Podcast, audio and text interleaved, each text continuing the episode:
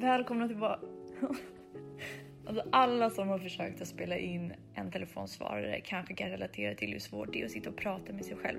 Men i varje fall, vi gör det. Vi har gjort det i typ vad, 70 avsnitt så att eh, jag borde ju klara av det vid det här laget. Välkomna ska ni vara till Psykologipodden. Jag har precis kommit hem från Minds styrelsemöte. Mind är alltså en förening som arbetar för psykisk hälsa. De har bland annat Självmordslinjen och Föräldralinjen och ett forum och Äldrelinjen. Så att eh, om ni vill engagera er så gå in på mind.se. Och innan det så var jag på jobbet och däremellan så sprang jag faktiskt milen. Och det låter, gud, jag låter sådär peppig och obehaglig. och så insåg jag att om man går in på typ Psykologipoddens Instagram och läser där så kan man verkligen få en skev bild av mig beroende på vilken röst man använder när man läser. Jag såg till exempel, igår var det ju söndag, jag var på långpromenad i Hagaparken och så kan man då, om man läser med skum röst, men så här, hoppas, hoppas ni har haft en fin helg. Idag är det sådär skönt murrigt ute, så gick ett långvarv i Hagaparken. Älskar vass av någon anledning och det finns det gott om där. Nytt avsnitt kommer på tisdag. Kram Jacqueline. Jag tycker det är sjukt kul. Mm, därför att det är inte, det är inte alls så där det är menat. Men eh, ja, ni skulle sett mig bara för fem minuter sedan. Då cyklade jag genom eh, Stockholm. Det är ju så mörkt ute nu. Och jag hade mössa under kepsen för det är så kallt. Och jag såg nog ut som en riktig joppe. Men ja, det är inte alls det här som avsnittet ska handla om. Idag så kommer vi träffa Kerstin Geding. Vi kommer prata om stress och utmattning. Och eh, lite senare i podden så säger Kerstin kardinalsymptom.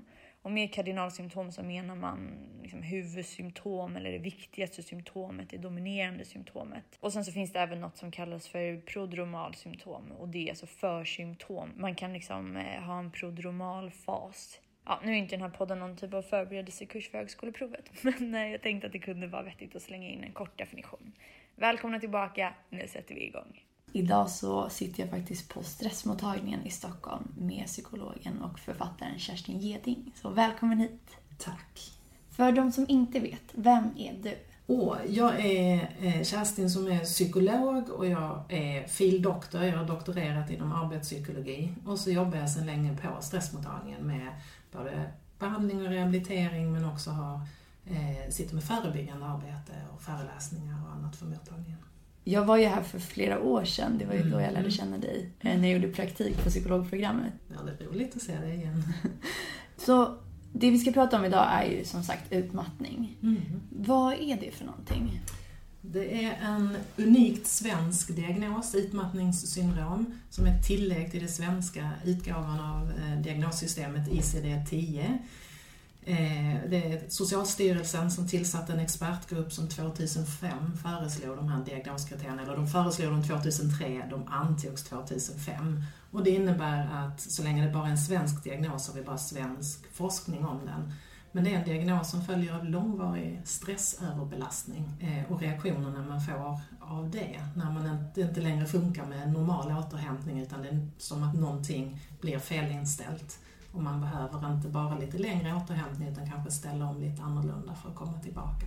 Så det är en sjukdom som drabbar de som har varit utsatta för långvarig överdriven stress. Och vad är vanliga symptom? Vanligast är tröttheten och det är tröttheten som är kardinalsymptomet. Du är trött fysiskt ofta och du är väldigt trött mentalt, kognitivt och trött i huvudet på olika sätt.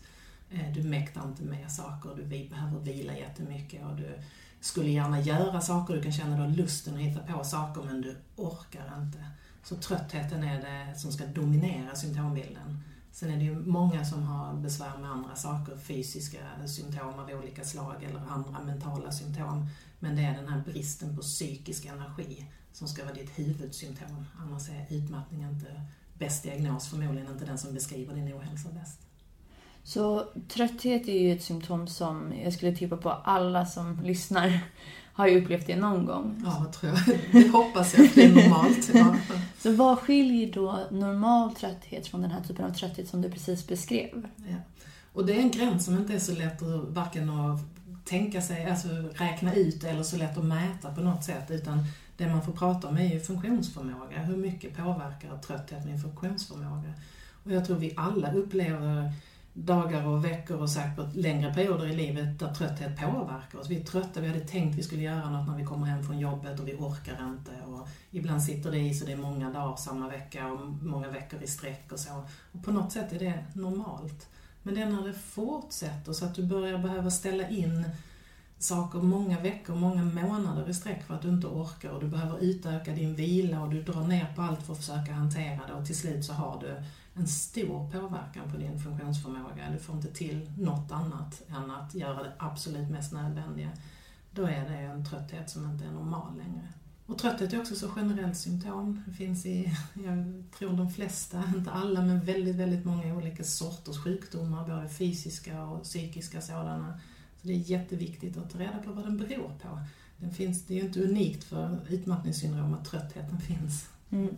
Så det är viktigt utredning mm. Patienterna som kommer hit, de har ju oftast sökt någon annanstans först och sen så blir de remitterade hit eller så kan man skicka in en egen remiss här för mig. Ja, så är det. Vi är specialistvård och det har inte alla landsting. Landstingen har ordnat lite olika. Men eh, vårt landsting här i Stockholm eh, har en tanke om att alla utmattningssyndrom ska tas hand om det som kallas första linjens vård. Det är ofta vårdcentralerna och företagshälsovården eller äldre företagshälsovården. Och det är där man ska bli utredd, diagnostiserad och få insatser för sitt utmattningssyndrom. Och då är det så att vi eh, finns då, man kan remittera eller komma till oss, det är när de insatserna inte är tillräckliga. Man har fått, man har tagit emot de insatserna men inte blivit bättre. Och då tar vi eh, specialistvården över. Eh, och vi jobbar då multimodalt, har möjlighet att sätta in ett mer större och samordnat rehabprogram. Men första instans ska vara då första linjens vård, ofta din husläkare som ska börja med att hjälpa till. Och vad för symptom brukar de flesta patienterna söka till primärvården för i första hand? De som har utmattningssyndrom, tänker du? Ja, eller som det visar sig vara utmattningssyndrom.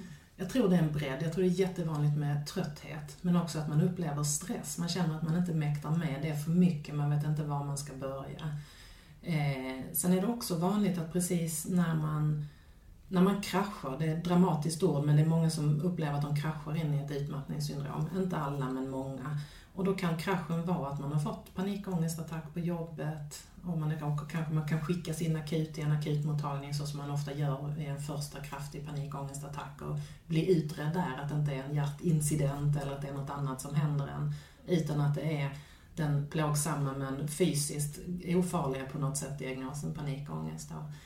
Eh, så väldigt många av våra eh, patienter har haft panikångestattacker men det är inte så många som har utvecklat paniksyndrom. tycker jag också är en intressant skillnad att se där. Paniksyndromet innebär ju inte bara att du har attacker, panikattackerna utan att du börjar undvika saker eh, och blir rädd för attackerna.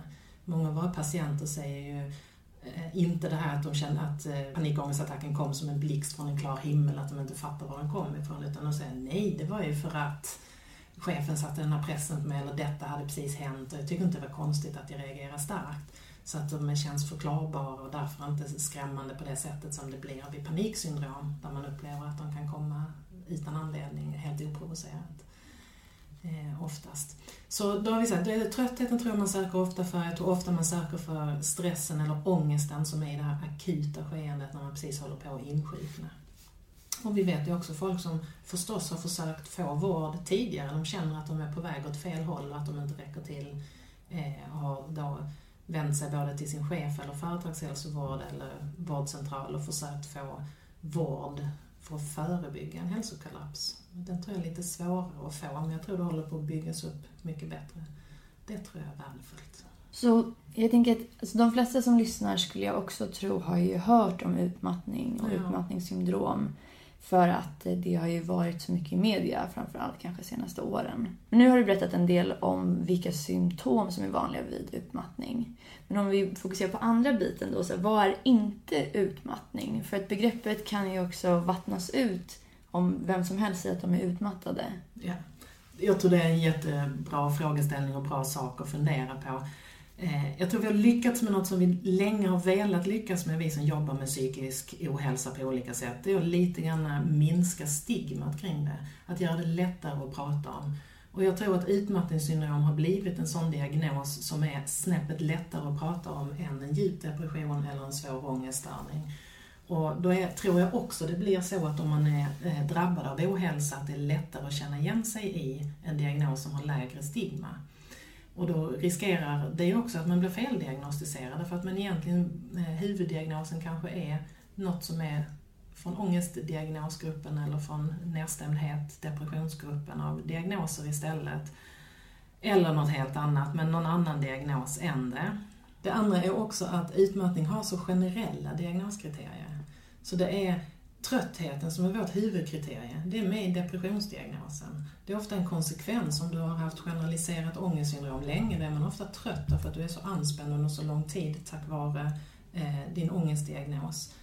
Eh, och tröttheten finns om du har järnbrist och om du har massa andra rena fysiologiska småstörningar eller stora störningar och så vidare. Så, och det är vårt huvudsymptom. Sen har vi då också att eh, de här extra symptomen som finns i C-kriteriet, i diagnoskriterierna, de listar ju både kognitiva symptom och eh, känslomässig labilitet eller irritabilitet och sömnstörning och värk och bröstsmärtor och hjärtklappning och mag-tarmbesvär och yrsel och ljudkänslighet. Och det är också symptom som absolut inte är unika för utmattningssyndrom utan finns i många olika hälsobesvär. Eh, och kognitiva symptom är en bred grupp av symptom som handlar om att eh, känna att man har svårare att fokusera eller svårare att minnas saker, att man glömmer var man har lagt nycklarna långt bortom det vi kallar vardagsglömska. Man glömmer det mycket oftare och man hittar inte riktigt hem och man hittar inte på stan längre och man eh, har svårt att förstå en text man precis har läst, man tappar bort sig hela tiden. Så det är de vanliga kognitiva symptomen. Ihop med att man kan ha svårt att fatta beslut. Det står på handlelistan att jag ska köpa tomater men helt plötsligt finns det sex olika tomater i butiken, jag kan inte välja vilka. Eh, och jag kommer inte heller på att det inte spelar någon roll, bara jag tar några av dem, utan det blir, man fastnar i de sakerna. Det är typiska vanliga kognitiva symptom här. Eh, och de är också vanliga vid depression till exempel. Och de är vanliga vid flera andra olika diagnoser, både lättare och svårare diagnoser. Däremot så har vi då inte några symptom på depression och nedstämdhet, inga symptom på ångest, inga symptom på som är utmärkande för utmattningssyndrom. Och då blir utmattningssyndrom väldigt mycket en uteslutningsdiagnos, att det blir viktigt att tvärdiagnostisera. Finns det någon annan diagnos som bättre beskriver den här personens besvär. Och gör, är det någon annan diagnos som gör det, då är det den som eventuellt är bättre att behandla. Och till exempel återfall i depression tror jag ofta kan blandas ihop med en utmattning, särskilt om man då har haft en stressad och belastad period eh, under tiden som föregår. Eh, så kan det bli lättare att det blir feldiagnos på det, på det och därför också inte en lika effektiv behandling. Det är bättre då att få en nischad depressionsbehandling. Och samma sak att har du till exempel en generaliserad ångestsyndrom, den här orosdiagnosen, när man oroar sig för eh, många saker eh, och känner att man är oroligare än andra. Har man den i botten och sen lägger på en utmattning så skulle utmattningen bara ge tillfällig eh, besvärsbortfall om man lyckas behandla den, men du skulle snabbt hamna där igen därför att det är din andra diagnos som är den som leder till dina problem. Så diagnostiseringen är jätteviktig och det är, och tycker jag, tänka mycket på att det är en uteslutningsdiagnos. Och också tänka att det är ingen som försöker ta ifrån någon deras upplevelse av ohälsa om man har känt igen sig i utmattning så får man väl gärna kalla det utmattning medan vi som jobbar med det behöver kunna diagnostisera det rätt för att sätta in rätt behandling. Att faktiskt vara till hjälp och inte felbehandla. Mm. Och sen är det spännande, det är ju väldigt starkt i alla våra landsting i Sverige att patienten självklart ska ha del i beslut om sin behandling och allting. Eh, och det tycker jag är jätteviktigt, men det är också viktigt att vi inte går i den fällan att Eh, alla får tycka och sen röstar vi, utan att det på något sätt att vi som har träning och utbildning för det får lov att göra vår röst hörd. Att jag utifrån vad jag kan så bedömer jag att detta är en depression, detta är en eh, och att det är den behandlingen vi ska sätta in. Och jag tror att jobbar man då inom psykologi, psykiatri, eh, psykisk ohälsofältet så är det nog flera som känner att de lägger sig i en sån diskussion än om vi hade jobbat med någon sorts kirurgi eller så där jag tror att det är i alla fall lite mer sällan man diskuterar med sin patient vad som är bäst åtgärd utan där meddelar man nog sin patient eh, och jag tycker det är viktigt då att vi hjälper de vi träffar att ha påverkansmöjlighet på de delarna där det inte handlar om en, eh, proffsbedömning helt enkelt, utan det handlar om val som går att göra. Vi kan antingen göra det här rehabprogrammet eller det här rehabprogrammet. Det är klart att patienten ska få ha starka åsikter om det, men mm. Eh, vilken typ av ohälsa man har eh, känner jag att vi behöver ja, men vara duktiga på, vi som jobbar med det, att kunna stå för och argumentera. Och då är det svårt med diagnoserna vi har, men det, jag tror det är en chimär också att det bara finns inom de psykiska diagnoserna, att det är lite svårdiagnostiserat. Det är ju fruktansvärt många andra klassiska medicinska diagnoser där det faktiskt är ganska luddiga diagnosgränser. Det handlar väldigt mycket om vad patienten berättar och inte bara om något litet prov, labbprov man kan ta som gör det tydligt att det är precis detta det handlar om, utan det är en kamp med tvärdiagnostiseringen där också. Mm. Verkligen. Jag tänker också på, alltså, är det vanligt med komorbiditet, alltså samsjuklighet vid utmattningssyndrom? Eh, nu frågar du en som jobbar i specialistvården, så hos oss är det det. Men vi har fortfarande en ganska stor grupp hos oss som inte har någon annan psykisk ohälsa och aldrig har haft det. Och det är ovanligt för psykiatriska grupper där samsjukligheten både alltid har varit stor och så. Där tror jag att egentligen inte att man nödvändigtvis är drabbad av tre saker för att man är drabbad av en sak, utan för att det finns den här de är inte så distinkta kategorier som vi tror utan diagnoserna har ju skapats för att vi som jobbar med det ska kunna utvärdera behandlingar och välja rätt behandling. Och då kan det väl vara så ibland att vi behöver måla med två diagnoser eller tre för att beskriva symptombilden som någon berättar för oss om när de berättar vad de, hur de mår. Eh, och då kan man behöva tre diagnoser för det och välja vilken ska vi börja behandla men vi behöver sedan beakta att de andra har eh, läkt tillbaka också eller att vi behöver behandla dem. Så vid utmattningssyndrom är det ju vanligt att ha eh, lite grann en nedstämdhet under en viss period men den är ofta inte så allvarlig och den är ofta eh, sekundär tycker vi till utmattningen. Det går ofta att bedöma om den, eh, vad det är som kom först och vad det är som dominerar symptombilden. Och det är vanligt med eh, panikattacker och vissa utvecklar paniksyndrom och har det bara kommit tillsammans med stressbelastningen och utvecklingen av utmattningssyndromet så kan ju fortfarande utmattningssyndromet vara det dominerande men har man kanske haft panikångest tidigare i livet och det vaknar till liv igen då kan det vara viktigt att hantera det på ett annat sätt. Så, men det är väl de vanliga och det finns, tror jag, en hel del antingen underbehandlad eller helt obehandlad eller inte lyckad behandling för generaliserat ångestsyndrom. Så jag tror att vi mm, har en överrepresentation också av patienter som har besvär av för mycket oro. Som jag tror bidrar till att vi sliter på oss och blir trötta mm. förstås. Men eh, absolut, vi har ganska många även i specialistvården som inte har samsjuklighet. Så det förekommer men det är inte ett måste helt enkelt? Nej, precis. Det är, ibland är det verkligen bara utmattningssyndromet. Det räcker med den diagnosen för att beskriva vad den här personen är med om och den har berättat för oss om hur han eller hon mår. Men det har ju varit en av de största kategorierna, enskilda kategorierna i ohälsa, största diagnoserna som har funnits i sjukskrivningsstatistiken. Och det är en förändring mot hur det var för 20 år sedan och tidigare när det var helt andra typer av ohälsa som dominerade sjukskrivningsstatistiken. Och hur tror du att det kommer sig att det är utmattning som dominerar bilden just nu? Ja, jag tror det är en förändring också på eh, hur vi arbetar och hur vi slits ut. Det har ju varit eh, rörelseorganens olika sjukdomar innan. Det har varit ont i ryggen, ont i axlarna och utslitna leder och så som har varit, och smärta i dem som har varit Eh, sjukskrivningskategorierna tidigare. Och där jobbar vi ju, färre och färre av oss jobbar på det sättet att vi sliter så mycket på kroppen. Det finns många kvar som gör det men inte lika extremt som min morfar som jobbar på sockerfabriken i Arlöv och bar påsar, alltså säckar med socker och så vidare. Det är färre som gör det idag trots allt och är så pass dåliga. Vi har jobbat jättefint och systematiskt med arbetsmiljö. Först fysisk arbetsmiljö och nu allt bättre tycker jag med psykisk arbetsmiljö i, i Sverige. Och det, jag tror det är det som har haft effekt. Så dels att det har minskat de grupperna som har den utsattheten och dels att det är en ökad, eh, att vi har jobbat systematiskt med det. Så har det minskat och det har förändrats. Så det är väl bara samtidens typ av ohälsa mer. Än, och det är då gårdagens ohälsa var sån. Och det fanns säkert annan ohälsa om vi skulle ha tittat 200 år till tillbaka i tiden. Med säkert andra diagnoser som dominerade. Så jag tror att det är psykisk ohälsa på olika sätt som eh, lyfts fram nu.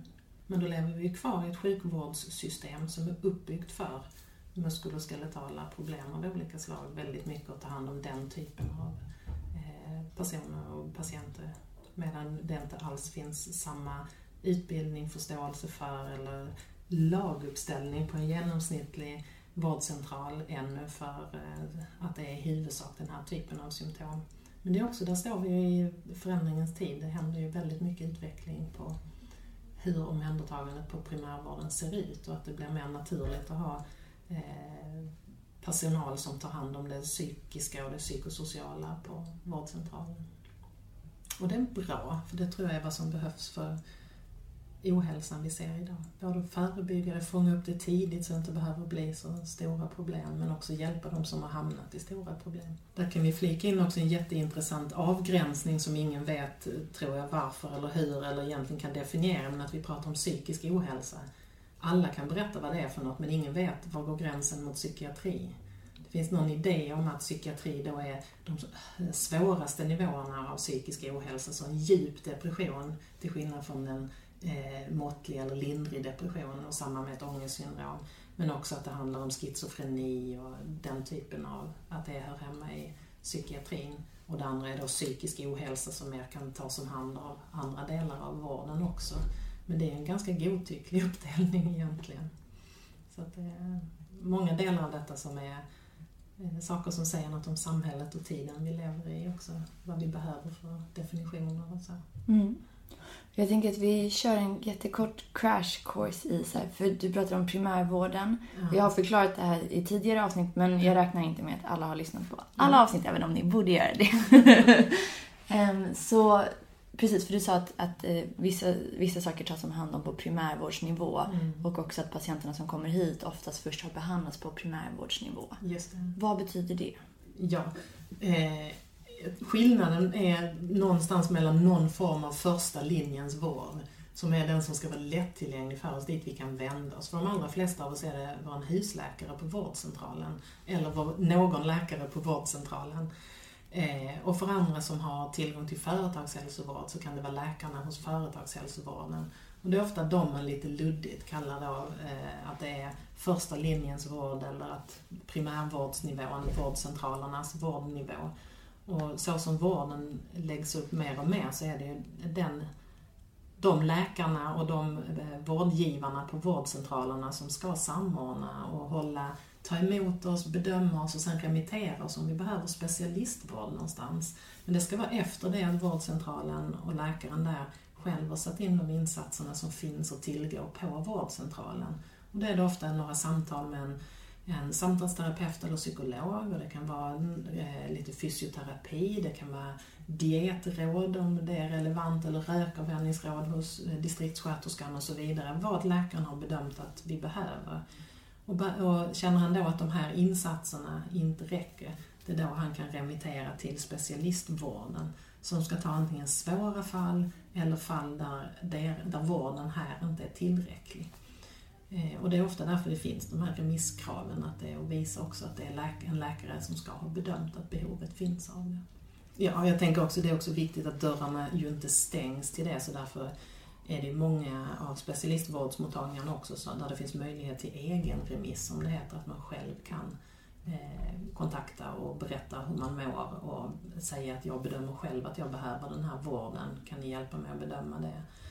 Eh, och det som blir svårt då är att man ofta behöver så mycket information bakåt i tiden, behöver veta vad är redan gjort. Och det kan vara svårt för en själv att beskriva när vi kan behöva labbprover och en massa annat som hjälper oss att se vad det är du är, har varit drabbad av. Mm. Men där är vårdnivåerna, om vi bara förenklar det till de två nivåerna. Mm. Mm. Ja, för du sa att, att ni träffar patienter här på stressmottagningen som redan har varit i primärvården. Just det. Och då är det patienter som, där behandlingsutfallet inte har varit det som man hade förväntat sig eller det man hade hoppats på. Ja, precis. Där det inte har räckt för att må bättre. Och där skiljer det sig, i praktiken skiljer det sig jättemycket. Det finns vårdcentraler som har ett helt fantastiskt omhändertagande. Så vi träffar ju patienter som har gått igenom jättefint program. De har fått insatser för att förbättra sömnen. De har fått en psykolog som har gett dem fantastiska insatser för att försöka ställa om sin dag. De kan, vilket tyvärr är sällsynt, men det händer tack och lov ibland, gå till fysioterapi. Jag kan gärna lyfta fram vikten av eller hur bra hjälp det kan vara vid utmattningssyndrom att få hjälp av en fysioterapeut. Vad gör de? De jobbar med kroppsmedvetande träning på olika sätt. De jobbar med andning, de jobbar med nedvarvning, de jobbar med att känna skillnaden på god aktivitet och att överbelasta sig och sen att återhämta sig och ta det lugnt. Och där har ju fysioterapeuter fantastisk kompetens att hjälpa till med det och många ett stort intresse även om förstås inte alla har det. Och det, det är något som finns även inom primärvården, inom första, det första du kan vända dig till kan vara det. Men vad var det nu precis vi höll på att prata om? Det var något du hade frågat mig där. Vad sa du Jackie? När vi kom in på detta. Ja, vad de har fått, eh, hur det är man kommer till oss. Man kan antingen ha fått en sån stor fin insats eller så har man fått ganska lite. Man har fått sjukskrivning och läkaren har testat med antidepressiv medicinering.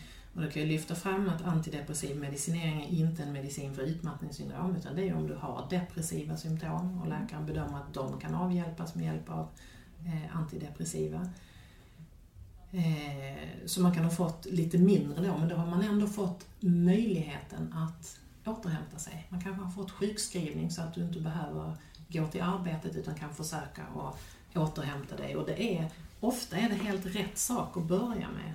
Vi, I specialistvården träffar vi ju aldrig de förstås som har fått möjligheten att återhämta sig och där återhämtningen har funkat. Mm. Det är självklart att den kan vara tillräcklig för många, att det man mm. behövde var för att återhämta sig och sen komma igång igen.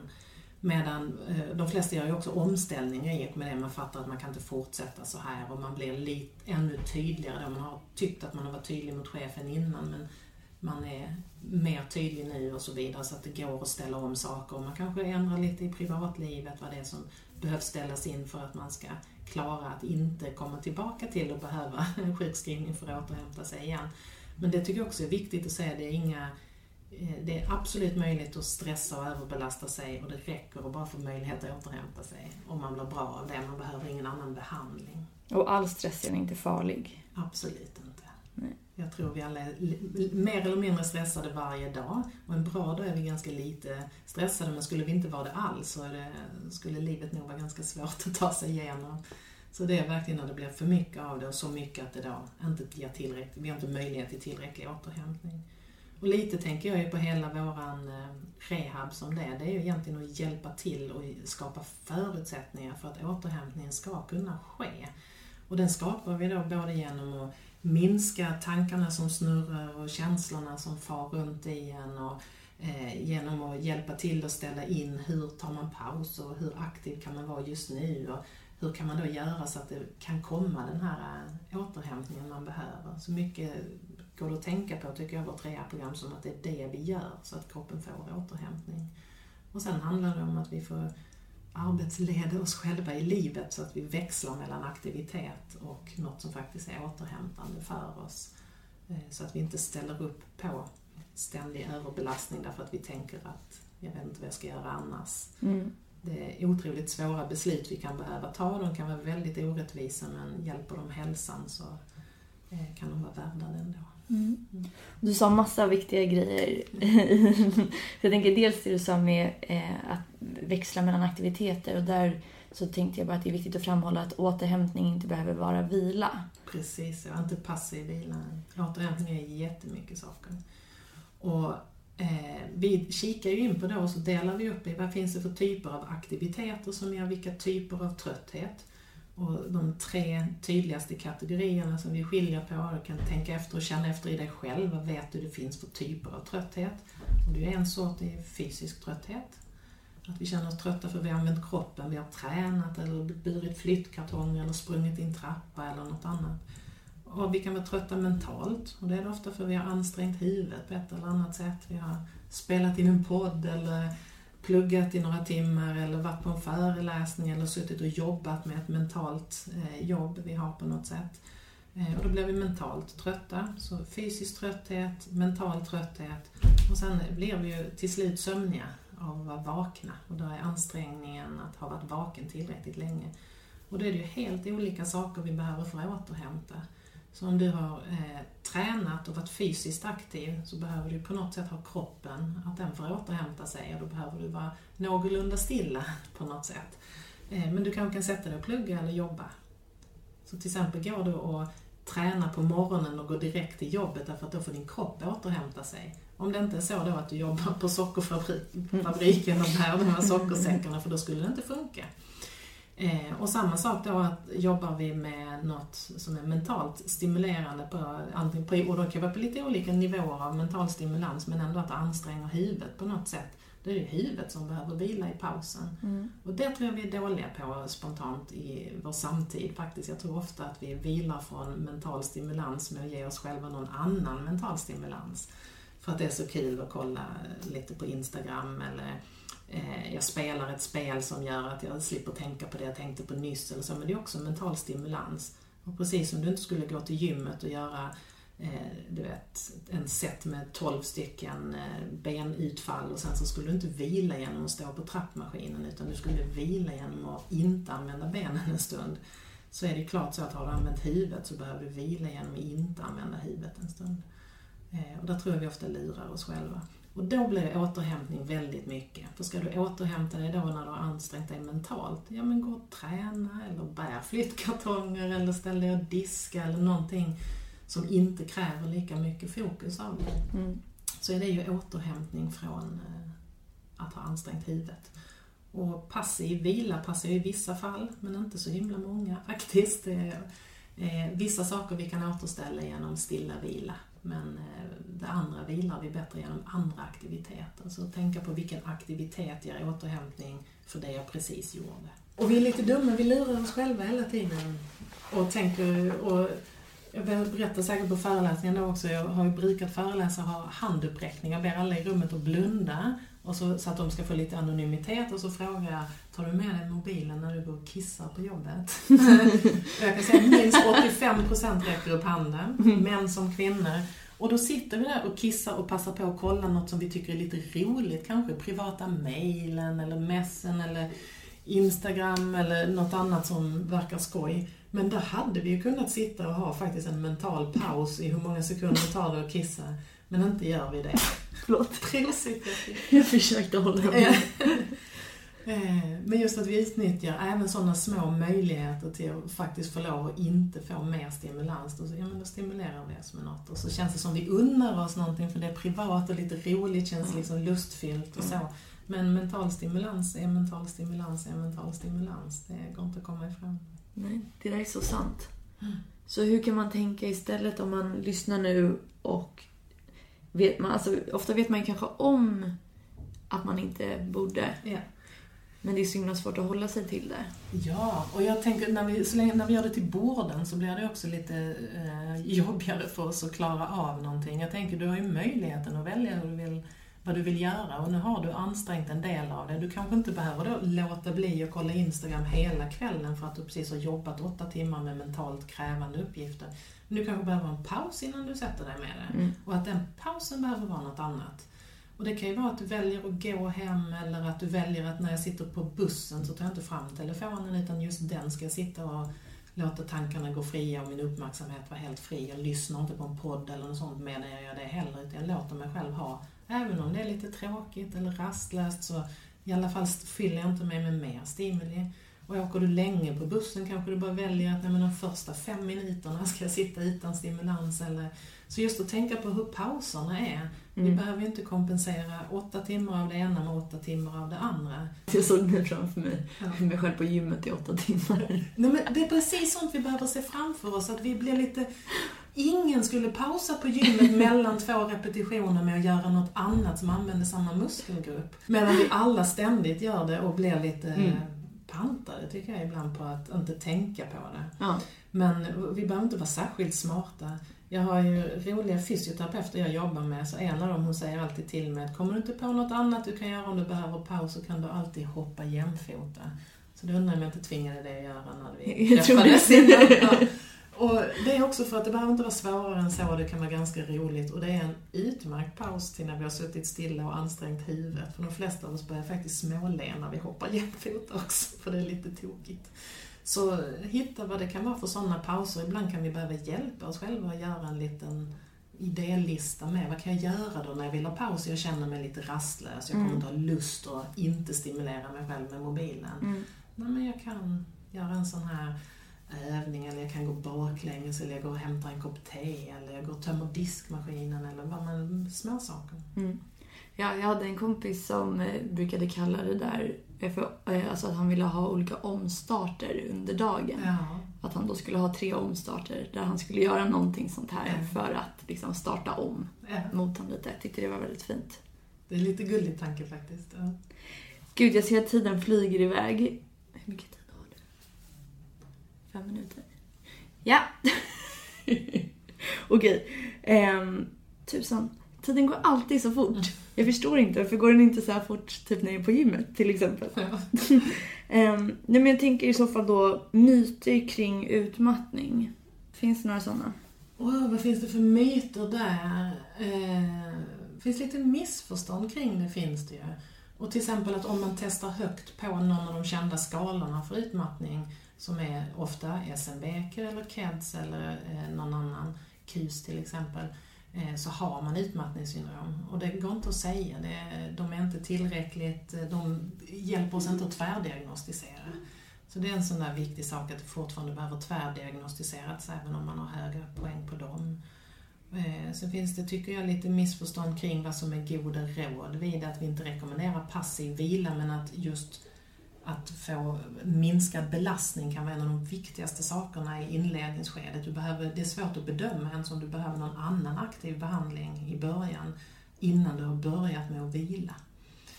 Eh, så det är en sån missförstånd tycker jag. För det, jag tror också att man ofta är så pass ångestladdad av att ha drabbats av ohälsan att det är svårt att tänka att det kan vara rätt sak när det känns så jobbigt igen.